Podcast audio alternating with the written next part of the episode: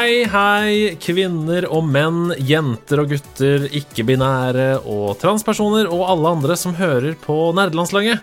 Hjertelig velkommen til en ny episode av Sidequest. Dette er en veldig veldig spesiell episode, uh, fordi det er første gang i historien siden jeg starta med Sidequest i ja, mars 2020, da koronapandemien brøt ut for fullt, og vi starta opp Sidequest som et liksom alternativ til mer innhold til eh, de som hører på nerdelandslaget. Fordi vi satt jo bare hjemme, og det var ingen som hadde noe å gjøre. Så da lagde vi Sidequest. Eh, men det er første gang siden det at jeg sitter her helt aleine. Dette er, dette er, rett og slett en helt alenepod med, med meg, uten noe gjest i det hele tatt.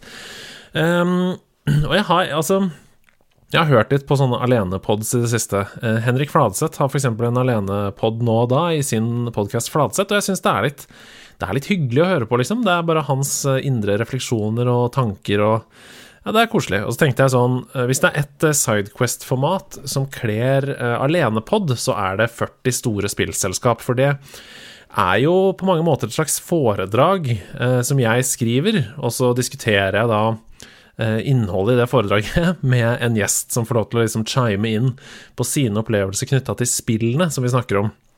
Og så tenkte jeg sånn jeg kan jo også bare dele mine opplevelser rundt de spillene vi snakker om, eh, sammen med dere. Og så var det litt sånn vanskelig å få tak i noen som kunne være med på Sidequest denne uka her, så da da blir det sånn. Jeg syns egentlig det kan være et eh, spennende eksperiment. Ja. Dere må gjerne gi feedback eh, inne på discorden eller på Patrion, eller hvor enn dere hører på dette, eh, på hva dere syns om en sånn type episode. Fordi mm, det er jo praktisk for meg å kunne spille inn det, og så er det jo veldig gøy òg, da. Jeg er jo glad i å prate, og jeg er også glad i det selskapet vi skal snakke om i dag, så det er ikke noe nedtur for min del i det hele tatt. For det er jo et spillselskap vi skal snakke om, som jeg har spilt fryktelig mange spill av. Uh, og da jeg begynte å skrive på denne historien, her, så viste det seg at det er flere spill som kommer fra dette selskapet, som jeg har spilt som jeg ikke visste at kom fra det selskapet. Så det er jo supergøy. Eh, så jeg tror vi bare kicker i gang. Uh, hvis du har trykka på episoden, så vet du at det er Rockstar vi skal snakke om. Og alle, alle, altså i hvert fall de fleste som er spillinteresserte, kjenner jo det Rockstar-navnet. Den uh, ganske legendariske logoen med stjerna i R-en. Uh, som har kommet i ulike former opp igjennom, uh, og ikke minst da spillene som Rockstar har gitt oss gjennom årene. Men Rockstar sin historie er lang, og den er dyp, og den er til tider ganske komplisert også, så jeg tror det er ganske mange som vil kose seg med denne episoden. Så jeg bare kicker i gang, og så tar vi det underveis som vi går. Rockstar det er altså selskapet bak eh, studioene som ga oss eh, titler som Grand Theft Auto, Midnight Club, Max Payne, Manhunt, Red Dead, Bully, LA Noir. Et selskap med en rik historie. Eh, jeg skal fortelle den historien så godt jeg kan. Det blir noen tenkepauser innimellom der vil jeg drømme meg tilbake til de ulike spillene. Men det hele begynte altså med selskapet Acme Software i 1984. Og da jeg leste det, så tenkte jeg på uh, Acme, The, the um, Bippe Stankelbein. Tegneserien, for der er det alltid sånn at det står Akme på de cratesene der hvor han uh, Slemmingen han kjøper sånne um, ting fra Akme. så jeg vet ikke om det har noe med dette å gjøre, men det er i hvert fall Akme Software 1984. En gjeng med skotske utviklere Eh, David Jones, Russell Kay, Steve Hammond og Mike Daly de jobber i Acme Software. De har på den tiden erfaring fra Amiga, fra Spektrum og Commodore 64-systemer, så de utvikla og ga ut forskjellige små spill til disse. Ingen sånn store suksesser, eh, blant annet et spill som heter Moonshadow, som ble omdøpt til Zone Trooper et spill som heter Freakout, og et spill med den uh, nydelige tittelen The Game With No Name. Bare drikke litt vann her. Mm. Og sammen så begynte altså disse gutta å jobbe med det eksperimentelle spillet Coppercon One. Um, de henvendte seg til ulike publiseringsselskaper, og fikk til slutt napp hos et selskap som heter Houston Consultants. Men det var på én betingelse, uh, og det var at spillet skulle være en, sitat, Amiga-versjon av Zynaps. Uh, og Synapse det var et sideskrollende shoot'em-up-spill som på den tiden kun var tilgjengelig på ZX Spektrum. Guttene bestemte seg for å nekte den kontrakten, og de ble i stedet enige om en publiseringsavtale med Psygosis. Um, spillet ble senere omdøpt til Draconia, men fikk da beholde sin opprinnelige idé. Tre år etter, i 1987, så bestemte dette selskapet seg for å bytte navn til DMA Design. Uh, og det navnet det ble henta fra datidens programmeringsmanualer for Amiga. Eh, DMA det sto for Direct Memory Access eh, på Amiga. Spillet Draconia det fikk igjen ny tittel. Denne gangen ble det hetende Menace og utgitt i 1988 for Amiga. Kort etterfulgt av Atari ST, Commodore 64 og MS-DOS. Uh, utgivelsen av Menace det solgte 20 000 eksemplarer, og det gjorde det mulig for dem å fortsette utviklingen av ytterligere titler til Amiga. Uh, det, 20 000 var ganske mye på den tiden, og spesielt for et såpass lite selskap som dette, da. Noen av de, de titlene som de lagde de neste årene, det var Blood Money, Glancy, Hired Guns, Shadow of the Beast og det plutselig store gjennombruddet i 1991. Og det her det tror jeg kommer overraskende på veldig mange, sikkert ikke alle, men på en del. For dette spillet her, det var Lemmings.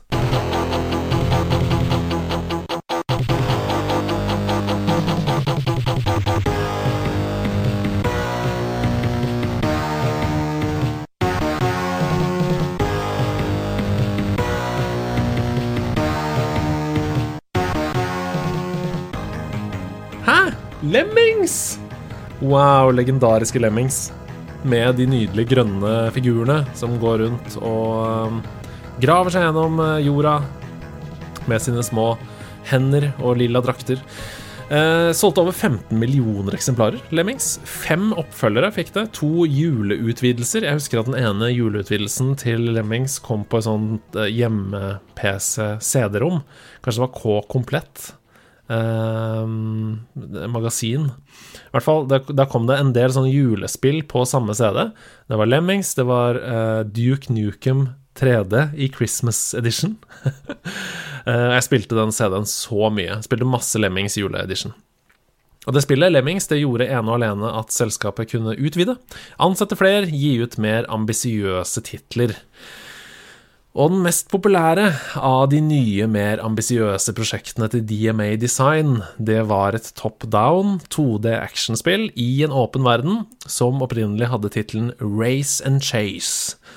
Spillet det starta utviklingen april 1995, og det er mer kjent under tittelen Grand Theft Auto.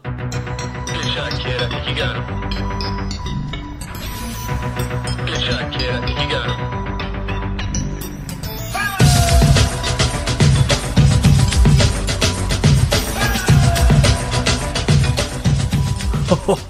Gåsehud! Tenk på det. Uh, Race and Chase, um, eller da Grand Theft Auto. Det teamet som jobba på spillet, det var uh, stort sett fylt opp med ganske uerfarne medlemmer, og de klarte ikke å levere noe særlig imponerende fremgang på det prosjektet før produsenten Gary Penn ble med på laget. Så til tross for en del problemer i utviklingen, kommer litt tilbake til det, så så altså utgivelsen av GTA på Windows dagens lys i oktober 1997.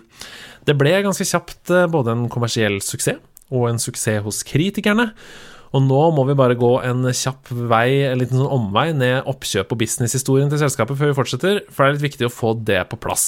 For Kort tid etter utgivelsen av GTA så ble da DMA Design kjøpt opp av det britiske forlaget Gremlin Interactive for 4,2 millioner pund. Eh, de ga ut spill som Body Harvest, Space Station Silicon Valley, Tanktix, Wild Metal Country under da Gremlin, før de igjen ble kjøpt opp av Infogrames for 24 millioner pund. Eh, nå hadde altså selskapets verdi seksdoblet seg fra den tiden. På den tiden så var det et selskap som het BMG Interactive, som var da utgivere av GTA. Uh, og I mars 1998 så kom et selskap som nok ganske mange kjenner til, Take Two Interactive, på banen og kjøper ut BMG, uh, som da er bare utgivere. De eier ikke utviklerrettighetene. Um, Take Two uh, de tok de to engelske produsentene Sam og Dan Houser ut av BMG for å danne Rockstar Games, som et datterselskap av Take Two Interactive. Og her er det altså første gang vi ser noen spor av Rockstar Games. Det neste Take Two gjør, det er å kjøpe hele DMA Design fra Infogrames for 11 millioner dollar. Og husk at Infogrames kjøpte dem for 24 millioner pund, så det er ganske mye lavere eh, sum enn det de kjøpte dem for. Etter dette oppkjøpet så eier altså nå Take-Two både utgiver- og utviklerrettigheter, og de kunngjør at DMA Design de kommer til å fortsette utviklingen av det som på den tiden heter GTA 3D og Grand Theft Auto Online Crime World. GTA 3D ble omtømt, eh, omdøpt til bare GTA 3, og Crime World ble kansellert. Etter utgivelsen av GTA 3 i 2001 så døper Take-Two DMA Design, altså den opprinnelige skotske kosegjengen som sitter med Lemmings osv., døper de om til Rockstar Studios den 27. mars 2002. Men bare noen få måneder senere 30. mai 2002 så døper de studioet på nytt om til Rockstar North, og resten er da historie. Rockstar North eh, finnes jo fortsatt. Ok, da går vi tilbake til spillene. Og tilbake til utviklingen av uh, Grand Theft Auto, GTA, som på den tiden er kjent som Race and Chase. Den utviklingen begynte i april 1995 av DMA Design i Dundee, Skottland. Spillet skulle egentlig gis ut på MS-DOS, på Windows 95, PlayStation, Sega Saturn og Nintendo 64, men de to siste konsollene fikk aldri en port av spillet. Men tenk litt på det. Tenk om GTA hadde vært på Nintendo 64. Da hadde jo garantert hele Nintendos historie vært helt annerledes. Eh, de hadde kanskje hatt mange flere tredjepartsspill ganske tidlig, eh, og sikkert også en åpenhet for voksne opplevelser ganske mye tidligere enn det de hadde. Men det skjedde ikke. Eh, det opprinnelige konseptet til GTA det ble sagt å være Jeg liker det sitatet her.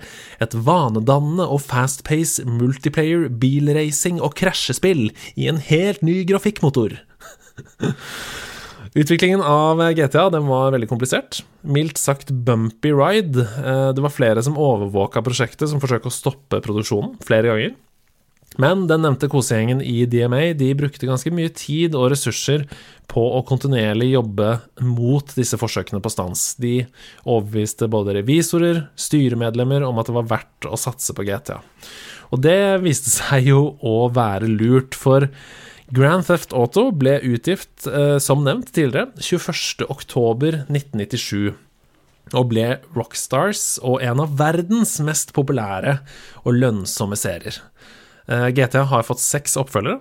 GTA 2, GTA 3, GTA Vice City, GTA San Andreas, GTA 4 og GTA 5, samt da fire utvidelser. London 1969, London 1961, The Last and Damned og The Ballad of Gay Tony. Pluss fire håndholdte spin-offs. GTA Advance, Liberty City Stories, Vice City Stories og Chinatown Wars. Så det er altså 15 GTA-spill totalt. Og her, altså, her kan jeg bruke mye tid. For jeg tror mitt første møte med GTA var GTA 2, uh, eh, og det var fortsatt top down. Uh, jeg husker jeg spilte det hos Henrik i klassen. Han hadde uh, lov til å spille det.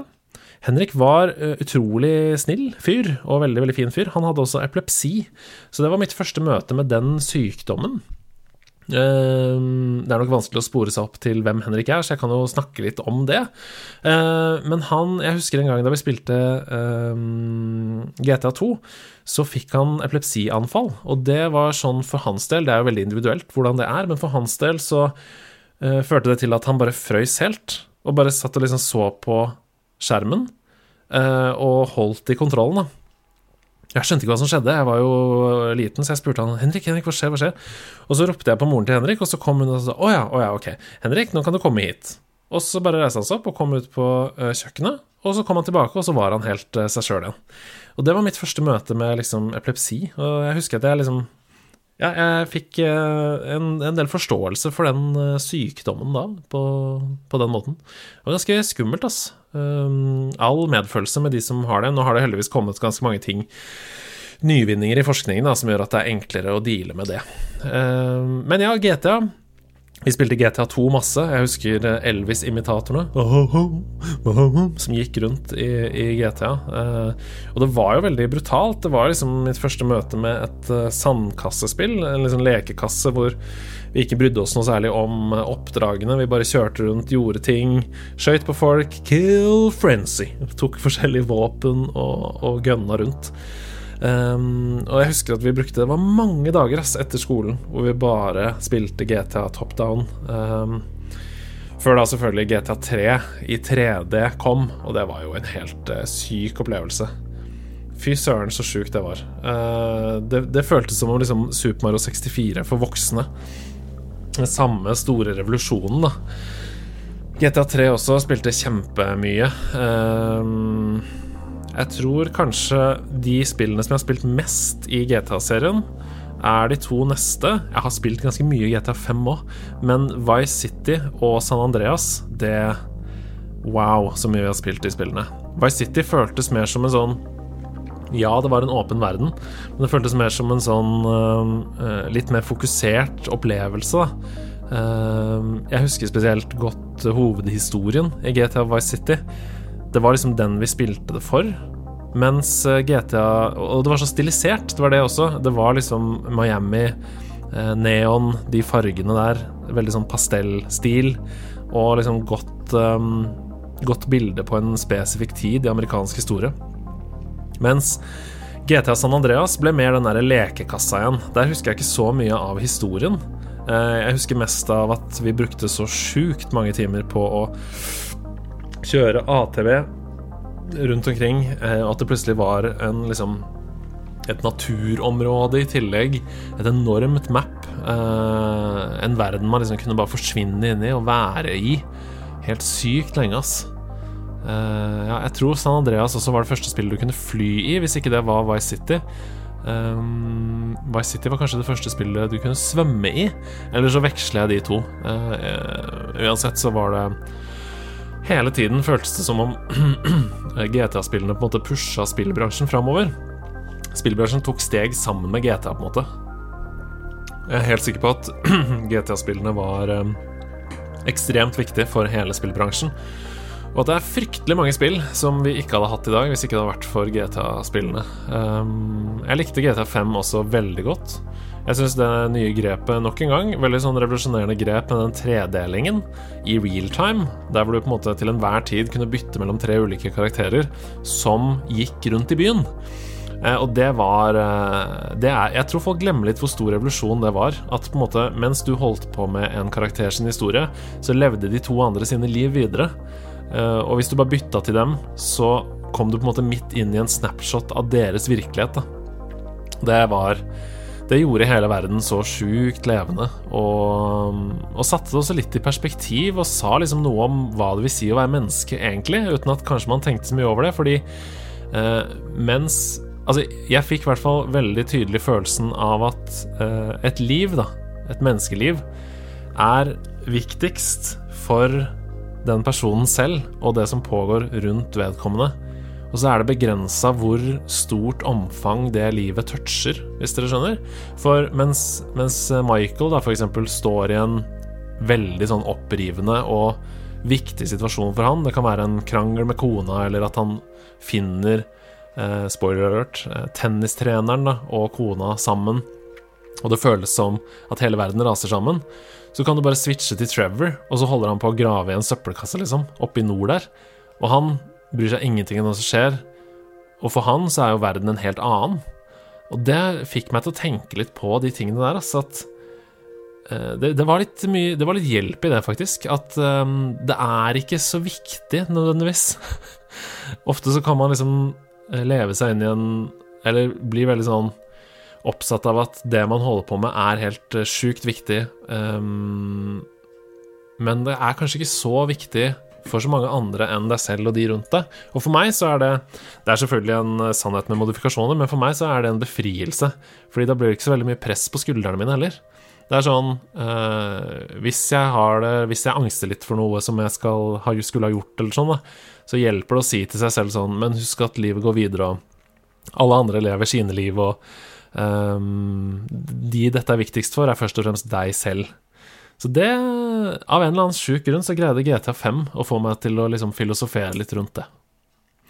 Men vi skal videre, vi. Eh, for eh, på den tiden her, altså rundt eh, GTA 1, så holder jo Rockstar på med da mange andre ting, og en av de er at de ser den ekstremt vellykkede utgivelsen av Midtown Madness, som er et spill som blir gitt ut av Microsoft. Og Rockstar blir veldig interessert i utvikleren av det spillet, som heter Angel Studios. Og de kjøper da opp Angel Studios for å jobbe med de neste kjørespillene til Rockstar, Smugglers Run og Midnight Club.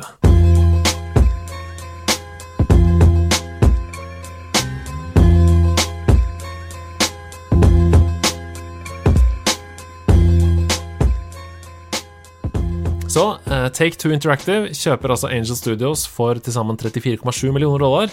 Og alle de 125 ansatte i Angel Studios blir med i Rockstar-familien. Og danner sitt eget team, som nå er kjent som Rockstar San Diego. Uh, og det er litt sånn Det er ikke så mange som uh, i hvert fall har et bevisst forhold til dette, at Rockstar består av en del underselskaper som heter Rockstar North, Rockstar San Diego, og som har vært tidligere spillstudier, da. Og dette Angel Studios, som nå er Rockstar San Diego, eh, gir da ut Smugglers Run, Midnight Club-serien. Og det var eh, veldig annerledes. Det var bare Hansa i klassen som hadde Smugglers Run. Um, og Smugglers Run er et kjørespill der hvor du skal ja, konkurrere mot andre da, i å smugle liksom eh, gods, tjuvgods eh, rundt omkring. Så du må kjøre rundt og, og, plukke det opp ved å kjøre over det, og så må du unngå at de andre krasjer inn der for å ta det fra deg. Litt som South Park Rally, for de som husker det spillet. Drikke litt vann igjen. Det var gøy. Eh, det kom også en oppfølger, men serien døde litt ut. Det samme gjorde Midnight Club-serien, og det syns jeg er veldig synd. Fordi både Midtown Madness eh, og Midnight Club har jeg sjukt varme minner fra. Jeg eh, spilte det masse hos Christian i klassen. Eh, og Midnight Club Dub Edition, jeg tror kanskje det var Midnight Club 3, spilte vi klart mest. Spill som går på å tune biler, eie din egen garasje, ekspandere den garasjen, ta over på en måte tunemiljøet blant uh, rånebiler.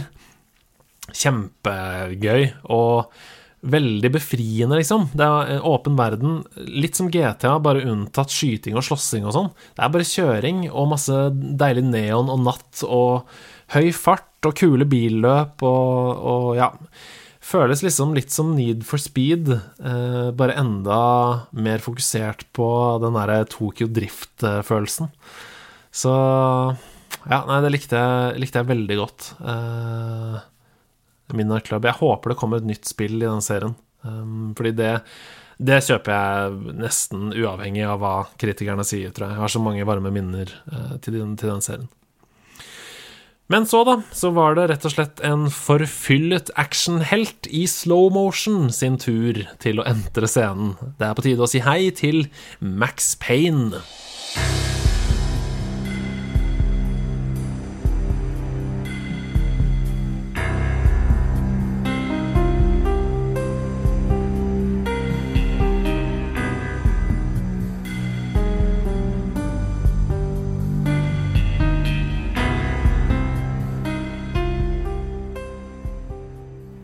Det originale Max Payne det ble jo utvikla av Remedy Entertainment. Um, og det er nok flere som kjenner Remedy Entertainment gjennom Control eller Alan Wake, Quantum Break. Um, og Max Payne det ble utgitt da av Take Two-eide Gathering of Developers i juli 2001. Um, Apogee de outsourcet utviklingen av konsollversjonene av Max Payne til Rockstar Games som resulterte i at Take Two Interactive brukte 10 millioner dollar på å kjøpe rettighetene til franchisen. En del av den avtalen sa at det var Remedy som skulle utvikle, eller være med å utvikle og se, se på utviklingen av oppfølgeren, sånn at de liksom fikk um, sin hånd på verket. Og fikk da full kreativ frihet, men veldig mye kortere tid. Uh, og dette kjøpet det skulle nemlig betale seg fort for Take Two. De hadde ikke så veldig mye tålmodighet på å få igjen de ti millioner dollarene. Oppfølgeren, da, Max Payne 2, uh, eh, The Fall of Max Payne, ble utgitt oktober 2003, tre år etter originalen, og denne gangen da utgitt av Rockstar Games. Og til tross for at det ble ganske godt mottatt av både kritikere og spillere, så solgte spillet dårlig. Uh, det ble oppgitt som en stor del av selskapets fall i salgsinntekter for 2004. Remedy ble skrevet ut av franchisen etter Max Payne 2, eh, men mot slutten av utviklingen av Max Payne 3 så hadde Rockstar fortsatt kommunikasjon med Remedy for å få støtte da, i utviklingen. Max Payne, ja um, Det kom veldig fra sidelinja for min del. Det var ikke Så vidt jeg husker, så var det på en tid hvor spill som rockband Uh, og Singstar og sånn var veldig populære. Um, og det var Morten i klassen som hadde, som hadde Max Payne. Uh, og vi spilte det veldig masse hjemme hos han. Jeg syntes det var dødsfett med den slow motion-greia. Og jeg skjønte ikke helt hvordan det gikk an uh, Bullet time, da, som det heter. Jeg skjønte ikke helt hvordan det gikk an å på en måte fly gjennom lufta, sikte på fiender og skyte de i slow motion. Altså bruke det som et verktøy for å gjøre det lettere for spilleren. da og jeg syns det var så fett, og jeg tenkte sånn uh, Dette har jeg bare lyst til å ha i alle spill. uh, og, og, det at det var en sånn um, Et sånt meter som man kunne fylle opp for å ha For å ha uh, slow-mo. Altså, man kunne ikke ha bullet time hele tiden. Man måtte jobbe opp bullet time. Det tror jeg var veldig lurt, for ellers hadde jeg bare spilt med det hele tiden. Og det er jo en av mine personlige kritikker også mot Red Dead 2 at det er altfor lett å få bullet time, som gjør at uh, fightene blir altfor enkle, da. Men det kommer vi tilbake til, og nå, nå skjønner dere kanskje hvorfor også Red Dead-spillene har bullet time. Uh, det kommer fra Max Payne, som da er Rockstar-eid. Så det er ganske gøy. Rockstar North de er litt rastløse på den tiden her. Eh, de føler at de har satt seg litt. De har liksom gitt for mye safe ting det siste, så de begynner derfor utvikling av det ekstremt sjokkerende spillet Manhunt.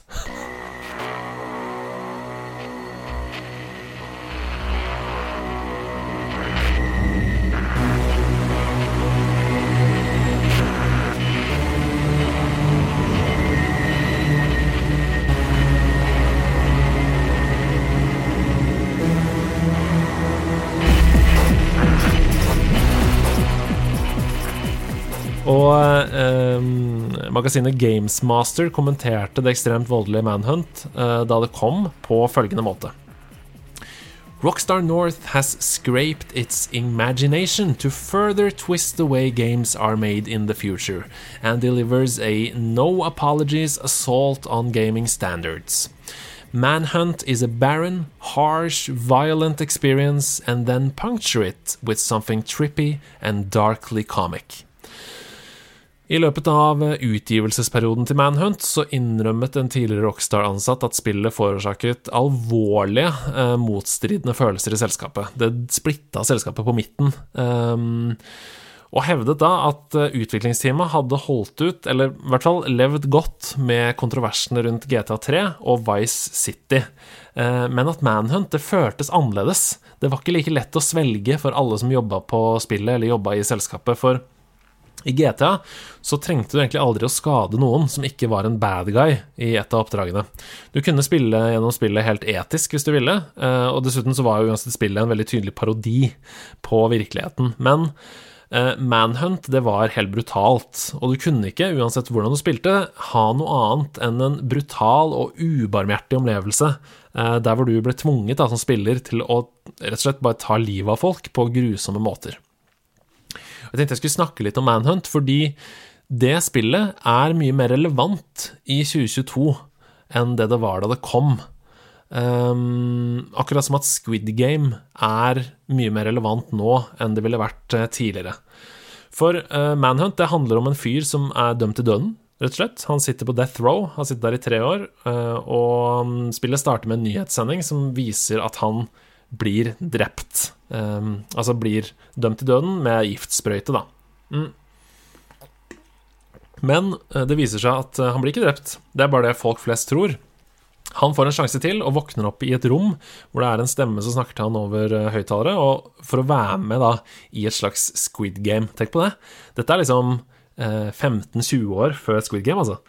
Eller Battle Royale-filmen fra, fra, Japan, eller noe som helst. Um, men han våkner opp i et rom og får beskjed av en stemme om å putte en sånn airpiece inn i øret sitt som skal følge han. Og oppdraget han får, det er at han skal slippes løs i en by Um, og han må drepe andre kriminelle som på en måte vokter gatene, da, gjenger i den byen. Og han må drepe folk på de sjukeste måtene du klarer som spiller, eh, og helst foran ulike sikkerhetskameraer.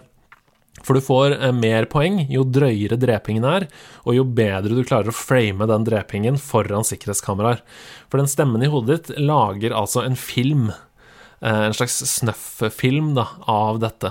Så det er helt sjuke ting som skjer. Et av de første drapene du får mest poeng for, er å stikke en veldig sløv kniv gjennom nakken til en fyr og ut gjennom halsen foran et sikkerhetskamera, og du ser det i alle vinkler. Og selv om det er veldig sånn PS2-grafikk her, og pikselert og, og, ikke så veldig sånn Altså, det ser ikke ut som The Last of Us, for å si det sånn. Det ser ikke ut som mennesker, det ser ut som spillfigurer. Så er det fortsatt latterlig brutalt, og det blir bare sjukere og sjukere gjennom hele spillet. Så det er klart at det vakte noen kontroverser, men det prøvde jo å si noe eh, veldig forut for sin tid, da, om hvor på en måte TV-bransjen og filmbransjen var på vei, og at ting bare skulle være drøyere og drøyere for å skape overskrifter. Og hvis på en måte Litt som i den eh, Jim Carrey-filmen, hva den heter den? Eh, The Truman Show som jo også er en kommentar på uh, hva som ville skjedd dersom en TV-produsent fikk på en måte frie tøyler og droppet alt av etiske ting og moral og sånn. Det er det samme Manhunt prøver å si noe om. Eh, hvis, hvis, folk får lov til å bare gjøre som de vil, så er det her vi kommer til å ende. Og akkurat det er ganske smart, men det er fortsatt eh, latterlig ubehagelig å spille spillet. Og det føles litt også som en slags unnskyldning eller forklaring på å bare ha de drøyeste scenene man kan i et spill, da. Men uansett interessant og pusha spillbransjen videre. Og så husker dere kanskje Angel Studios, uh, dette selskapet som lagde Midnight Club, blant annet. Uh, på denne tiden så heter de uh, Rockstar San Diego, gitt ut Midnight Club. Men før det oppkjøpet så begynte de å jobbe med en liten ny idé sammen med Capcom, eh, som utgiver i år 2000. Og den ideen eh, og det spillet det skulle låne elementer fra Gunsmoke, et spill som ble utgitt helt tilbake i 1985. Og prosjektet får navnet Red Dead Revolver. The many miles we walk, the many things we learn.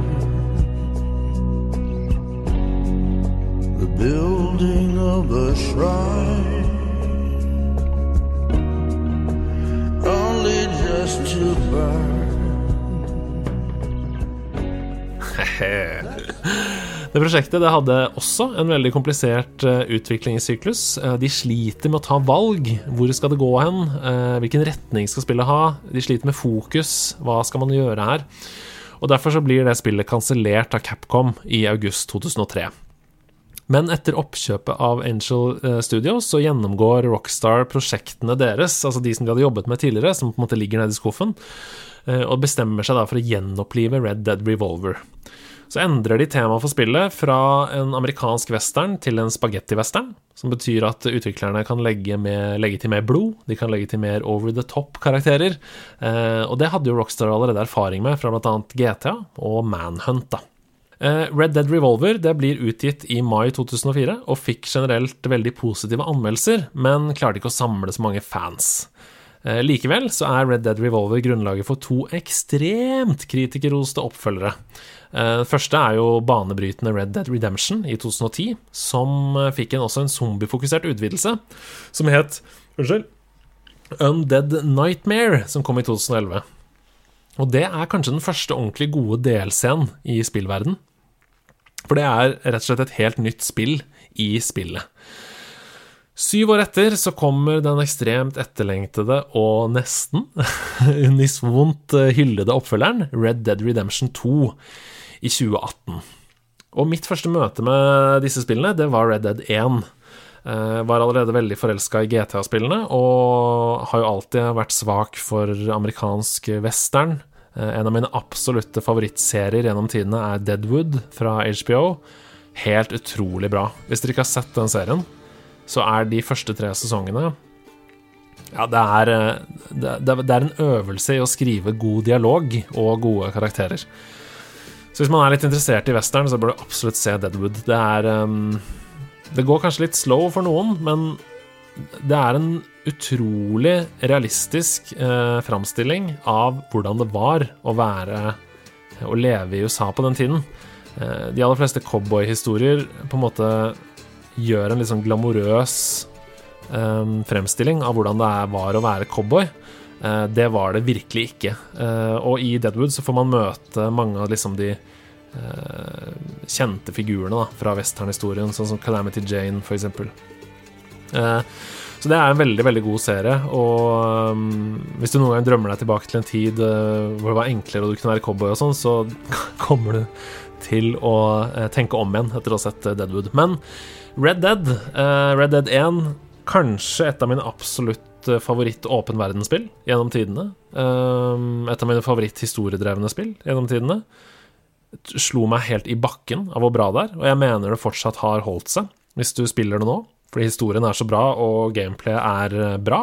Jeg syns gameplay er bedre enn i Red Dead 2. Det vet jeg folk kanskje er uenige med meg i, men det er mer et spill enn en simulator, på en måte. Eh, Red Dead 2 er, er, nok mer virkelighetstro, det er tyngre å gjøre ting, mens Red Dead 1 er gaming, på en måte. Eh, litt mer vann her, kjenner at det begynner å knekke i stemmen.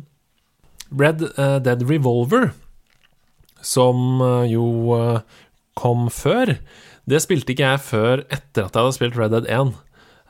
og Red Dead Revolver er jo noe helt annet. Det er en veldig mye mer sånn ja, altså uh, avsluttende sekvenser, da. Actionsekvenser. Det er mer sånne scener som du spiller ut.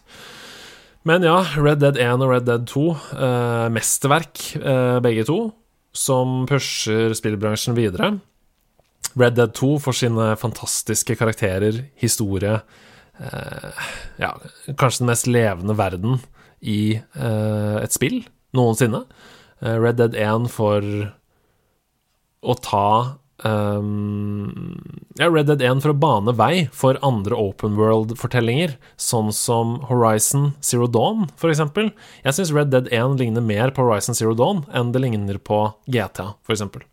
Så jeg tror nok ganske mange åpen verdensspill har latt seg inspirere.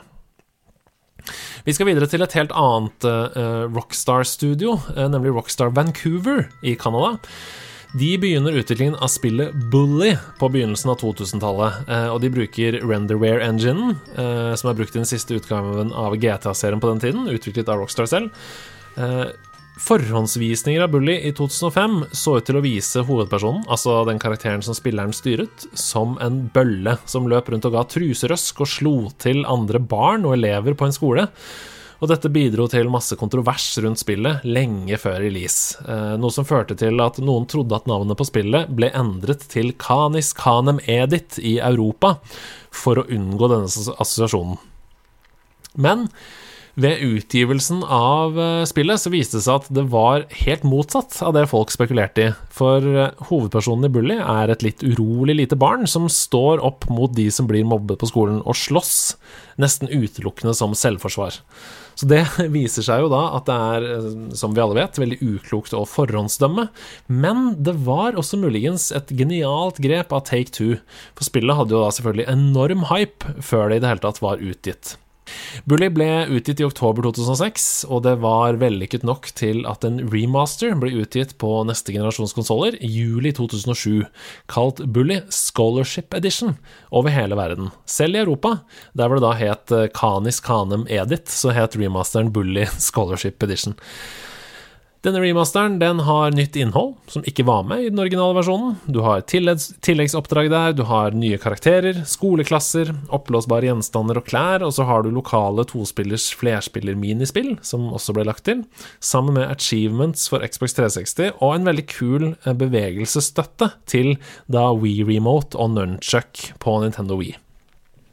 Jeg har aldri spilt uh, Bully selv, men det ligner jo uh, veldig på et slags GTA på en skole, med et uh, minimap oppe i høyre hjørne, og en visstnok da veldig god og fengslende historie. Det er mange på YouTube og sånn som ønsker seg en remaster av Bully på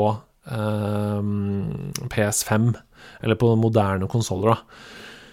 Og hva med å bare lage et Bully 2, da? Istedenfor å bruke masse tid på å lage det samme spillet på nytt? Eh, det høres ut som eh, mange kjente seg veldig igjen i handlingen og likte historien, så det tror jeg kunne Ja, kunne kanskje slått an. Team Bondi, eh, som er et helt ferskt studio, de startet utviklingen av en ganske nyskapende idé. Et Los Angeles-basert detektivspill i åpen verden satt på 1940-tallet, med Sony som utgiver. Og vi, vi kjenner jo den ideen som LA Noir.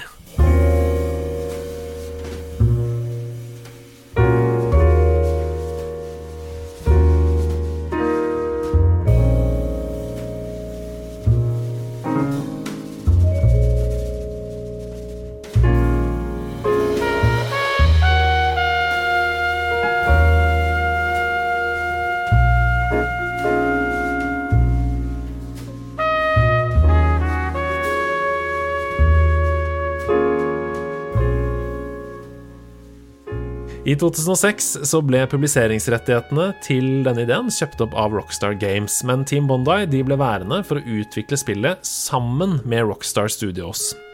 Rockstar var nemlig helt nødvendige i utviklingen. Det var Team Bondi som tok kontakt, fordi der fantes en animasjonsmotor for ansiktsbevegelser. Eh, og for de som har spilt LA Noir, så vet de at det er et helt bærende element i det spillet. Analytikere de hevder at spillets kombinerte eh, utviklings- og markedsføringsbudsjett var på over 50 millioner dollar, eh, og det gjorde det til et av de dyreste spillene som til da hadde blitt lagd. Alle de forbrytelsene og sakene som du skulle løse i LA Noir, de ble utviklet gjennom inspirasjon fra virkelige forbrytelser i LA i løpet av spillets utviklingsperiode. LA Noir ble utgitt over hele verden i mai 2011, og i februar 2012 så hadde det solgt nesten fem millioner eksemplarer, noe som gjorde at eh, spillet fikk en delelse med ekstra saker, nytt historieinnhold, eh, og at en oppfølger fortsatt faktisk vurderes av Rockstar og Take Two. Og det ønsker jeg meg, det kan jeg bare si eh, personlig, for eh, LA Noir er en kjempekul idé. Um, veldig nyvinnende grep, det å skulle avhøre folk som du møter underveis i spillet, som vitner, og, prøve å forstå ut fra kroppsspråk og andre ting i manus om de da lyver eller snakker sant, og liksom jobbe seg fram til hvem det er som har gjort hva, og hva som er egentlig Eh, ja, hvem som er synderen her, da. Det som er litt synd, er at dette var jo tidlig, ikke sant, så øh, Selv om ideen er god, så var på en måte utførelsen av disse løgnene litt øh, komisk. Fordi det er ganske lett å se når folk lyver, for det er veldig sjuke liksom, tvister i ansiktet. Folk rykker til i øyebryn og kinn og nese og lepper og alt. Sånn at du kan si ok, du lyver fordi du ser ut som du har slag uh, mens du snakker. Så jeg tror at eh, en mer sånn nyansert oppfølger, der du er nødt til å se på kroppsspråk, men også andre ting, um, om du kan følge med på pulsen, f.eks., til de som snakker, og andre ting, tror jeg kunne vært veldig kult, ass. Og det å være i LA på 40-tallet, det er jo helt sykt gøy. Det er liksom Du kjører rundt i uh, utrolig kule, gamle biler uh, i en verden som er ekstremt autentisk eh, og detaljfokusert, så det føles virkelig som LA på 40-tallet. Eh, selve bilkjøringen i seg selv var nok ganske kritikkverdig. Eh, det var vanskelig å kjøre de bilene, lett å krasje inn i sånn. Føles litt som cyberpunk da det kom. Litt klumsete bilkjøring. Og veldig sånn tunge biler. Altså, uh, man pleier å si når man spiller bilsimulatorspill som Gran Turismo og sånn, at rumpa kommer, på en måte. Altså hvis er Hvis du drifter, da, så, så mister du grepet fordi den er så tung, bilen er så baktung, at på en måte rumpa på bilen kommer svingende uh, i svingen. Uh, såkalt oversteering, eller understeering, litt, us litt usikker. En av de to. Ehm, men ehm, jeg er usikker på om det var med vilje, at de la inn at bilkjøringen var sånn, eller at det på en måte bare er en konsekvens av at ikke motoren var utvikla godt nok. Så ehm, det kan de rette opp i en oppfølger, men jeg håper at det kommer, ass, fordi den kombinasjonen av på en måte GTA-gameplay, skyting, som dessverre var ganske dårlig i LNOR, eh, kan også bli bedre, men GTA, skyting og kjørebil og sånn, og, og, krimsaker, altså puzzles, oppløse eh, Nei, løse liksom eh, krim, og dette menneskelige aspektet ved å avsløre løgner og sånn, det er et veldig godt konsept. Jeg ønsker meg en oppfølger der. Og så er det noen andre ting da enn spill som Rockstar også tjener enorme penger på, uh, og en av dem er Rage. Uh, Rage det står for Rockstar Advanced Game Engine, uh, og det er en engine til å lage spill i, sånn som f.eks. Unreal eller Frostbite.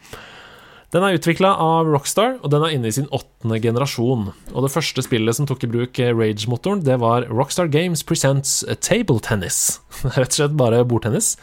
Et spill som overraska både pressen og spillere, eh, og var gjenstand for en del spekulasjoner om at spillet bare var et resultat av testing av denne enginen, som rett og slett var så gøy at de bestemte seg for å bare gi det ut. Det er en rekke suksesser som er utvikla i Rage, bl.a. GTA 4, Midnight Club, LA, eh, Red Dead Redemption 1 og 2, Max Bane 3 og GTA 5. Eh, en annen ting, det er Rockstar Games Social Club. Og det er en digital kommunikasjon- og flerspillertjeneste som har vært i bruk i Rockstar-spill siden 2008. Eh, Social Club ble lansert sammen med GTA 4, men hadde en betydelig rework i 2012 i forbindelse med utgivelsen av Max Payne 3. The Social Club har mange spesifikke funksjoner, avhengig av hvilket spill man spiller, men noen av tingene er tilgang til statistikk, til online og multiplayer leaderboards, video editors, multiplayer, matchmaking, achievement og trophies, eh, screenshot-verktøy, minispill og cruise i GTA, da, for eksempel, eh, men også mange andre ting. Og det er jo dette elementet som har ført til at GTA5 håver inn penger på mikrotransaksjoner, fordi spillere da ønsker å skille seg ut i det som er det sosiale aspektet av spillingen. Um, og kanskje ikke GTA 5, men GTA Online, i hvert fall. Uh, og Red Dead Online. Jeg vet ikke helt hvordan det går med Red Dead Online. Det gikk ikke så veldig bra sist gang jeg sjekka. Men uh, de som nå har hørt på denne historien til dette selskapet, de skjønner jo at det er en liten blessing and a curse um, til denne suksessen. For hvis du ser på tidslinjen til Rockstar-spill, så har antall spill som gis ut, uh, dalt betraktelig. Uh, før så kom det spill fra Rockstar absolutt hele tiden, og det kom gjerne fem eller seks i et år og sånn. Um, nå kommer det et Rockstar-spill kanskje hvert femte til syvende år. Um, og det er jo trist for oss spillere, fordi det fører til mye mindre eksperimentering. Um, og, og, jeg ønsker meg mer enn bare GTA og, og Red Dead. Jeg ønsker meg nye, kule IP-er. Så jeg håper de, de, fikser det, altså, med tiden, og kommer litt tilbake til, til det de var en gang. Men det spørs, eh, med tanke på hvor mye penger de tjener på online-tjenestene sine, blant annet.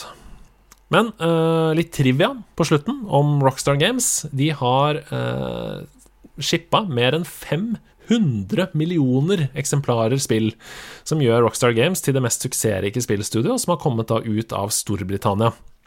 Og GTA 5 det er det eh, nest mest selgende spillet gjennom tidene. Det har solgt over 160 millioner eksemplarer over hele verden. Det er kun Minecraft som har solgt mer enn GTA 5. Eh, litt eh, fun fact også at eh, Rockstar sitt holdingselskap Take-Two Interactive de avviste et kjøpstilbud på 1,9 milliarder dollar fra EA i 2008. Uh, og om det ikke var nok mikrotransaksjoner i eh, GTA Online, så hadde det vært enda mer der med EA bak spakene, så det kan vi kanskje være glad for. Men ja, som nevnt for litt siden, så håper jeg da Rockstar kan finne litt tilbake til den der uredde prøvingen sin. Jeg savner Midnight Club, jeg vil ha mer Midnight Club, og jeg er lei av online og mikrotransaksjoner i GTA. Jeg ønsker meg flere ulike IP-er der historiene er i fokus, sånn som de er i GTA og i Red Dead. Uh, mange sa jo at uh, singleplayer games are dead um, grunn av suksessen til Fortnite og PUBG og sånne ting. Um, men så kom Red Dead 2 og bare blåste alle av banen, og, og gjorde at singleplayer games fikk på en måte livets rett tilbake. Uh, og det har kommet mange store uh, suksesser etter det, så bransjen har måttet uh, spise de ordene. Og det trenger ikke være en åpen verden heller. Jeg ønsker meg et Rockstar-spill som bare er en god idé. Um, det kan godt være en åpen verden. Jeg vil gjerne ha LA Noir 2, um, men det trenger ikke være det. Uansett så er jeg nødt til å avslutte episoden med en stor takk til et av de aller viktigste selskapene i mitt spilliv, eh, Rockstar. Det nydelige selskapet som begynte med en gjeng skotter, og som tok av med Lemmings. Og så vil jeg si tusen takk til deg også, da. Nå har jeg sittet her og snakka med dere i 50 minutter, nesten. Eh, og det er bare meg.